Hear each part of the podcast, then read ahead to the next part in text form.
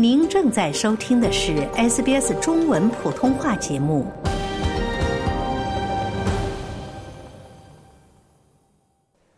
当地时间二月三日，由乔治河市政府举办的二零二四龙年庆祝嘉年华在好士维市区圆满落幕。活动现场除了有精彩的文艺演出以及各式各样的美食商品之外，作为市议会对公共艺术承诺的一部分。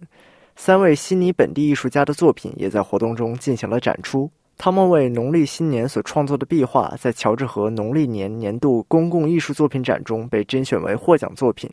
以下是在当天活动现场，我们对几位艺术家进行的采访。我想请问一下，几位艺术家为什么会采用年画的形式来展现你们的这个艺术作品呢？因为年画它在我们的文化里面它是随处可见的，并且它在，因为我记得在我小时候，我们家里每年过年的时候都会贴这样的年画娃娃在墙壁上，嗯，所以我觉得选用年画娃娃这一个视觉元素，不仅是我们在澳洲的中国人对家乡的一种思念，也是呃我们想要让在澳洲的华人群体，嗯，带起他们的回忆，对于童年的回忆。呃，在年画娃娃的基础上，我们选用了三个元素来代表在中国或者东方寓意中不同的好运。比如说灯笼，这个寓意着团圆，也是一些华人在澳对于家乡的一些思念的寄托。然后锦鲤呢，自然寓意着好运，希望大家在新的一年都快快乐乐、幸运。对吧？然后木头呢是一个对 Hurstville 历史的一个尊重，因为它以前是一个炭业和木业开始的一个城区，然后再加上今年是木龙年，那么我们就集合这些元素来创造了这幅壁画。那想问一下几位艺术家，在这个制作的过程中是怎么分工的呢？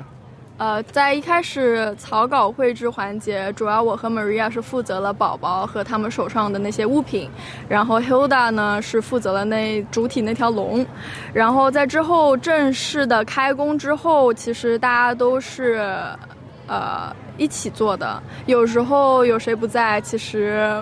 也没有什么关系，因为大家都会顶上，然后分工都比较是合理，然后一起工作也很愉快。呃，这个作品采用了一些比较简单的色调，但看起来也比较眼熟。可以给我们介绍一下您为什么会选用这几种颜色的搭配吗？嗯，我们当初在提交这个作品的初期，我们也想过到底用什么颜色。最后，我们把目光放到了嗯 George River Concert 他们 logo 的颜色的组合上面，所以我们主体就采用了嗯蓝色、红色和白色这么一个搭配。然后我们加入了不同的渐变，才有了现在这样的一个色彩搭配。各位的这个作品是有在乔治河农历年度的这个公共艺术作品展上被选中的一个获奖的作品。那么想知道你们在发现你们作品获奖之后有什么感受呢？当时主要申请是 Maria 和 Hilda 在负责，然后我被得知了这个喜讯，真的是我在工作室里都快跳起来了，很开心。因为我和希尔达都是龙年的，然后感觉能参与这个项目很幸运。呃，在自己的本命年拿到了这这么一个奖项，那你觉得会是一个本命年好的兆头吗？嗯，其实一般在传统中，大家会认为其实本命年会比较倒霉，因为会犯太岁嘛。但是我认为，如果能够在龙年。嗯，并且我们的主题也是关于剪纸龙的，那么我相信这也是对我们这一年的一个好运的一个预见吧。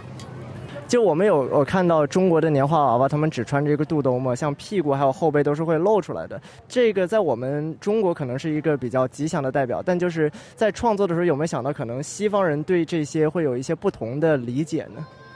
我认为在澳大利亚，它作为一个多元文化主义。为一个，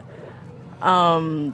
也不能说教条，但是大环境对于多元文化它是赞同并且支持的。那么我们为什么不能求同存异？为什么我们不能把中国的传统文化放在哈斯菲尔这么一个华人区？嗯，当然大家可以对嗯身体的裸露，或者是对于嗯年画娃娃身体部分的裸露有不同的解释，但是我们还是想要将嗯中国的传统。再次呈现在我们的壁画上。嗯，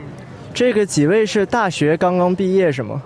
呃，我们是 honors degree 刚刚毕业。honors degree 刚刚毕业，那么就是在 honors degree 刚刚毕业之际，我你们的这个作品被选在了一个这样盛大的活动中进行了展出，相信是给您的本命年，也是这个二零二四崭新的一个木龙年开了一个好头。那你们对自己今年无论是在艺术还是个人发展等等这些方面有没有什么期待呢？我在二四年将会开始读 master，然后希尔达也准备申请 PhD，Maria 也有很多展览准备要办，然后我们并还有一个共同的展览正在申请当中，所以很多好事将会发生。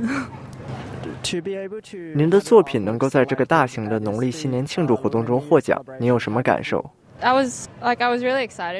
当我得知这个消息时，我真的很兴奋，但我想我也有点紧张，因为我认为以我的背景，华裔印度尼西亚人，这其中所涉及到的文化问题，有时会让我感到很紧张。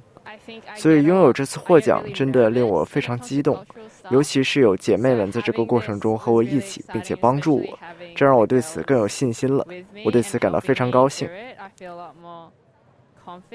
是什么原因促使您报名参加本次比赛？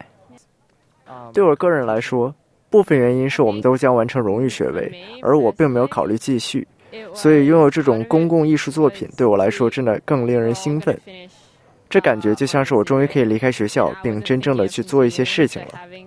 同时，这也让我感觉我更接近我的中国背景了，并且可以把一些东西开始回馈给社区，这是一种很好的感觉。因为我认为有时我会迷失在我的整个文化背景中，因为我真的不知道我到底适合哪里。但我一直都很喜欢 h e r s v i e w 我在这里总是觉得很舒适，而且我想我的爷爷也会很兴奋，这太好了。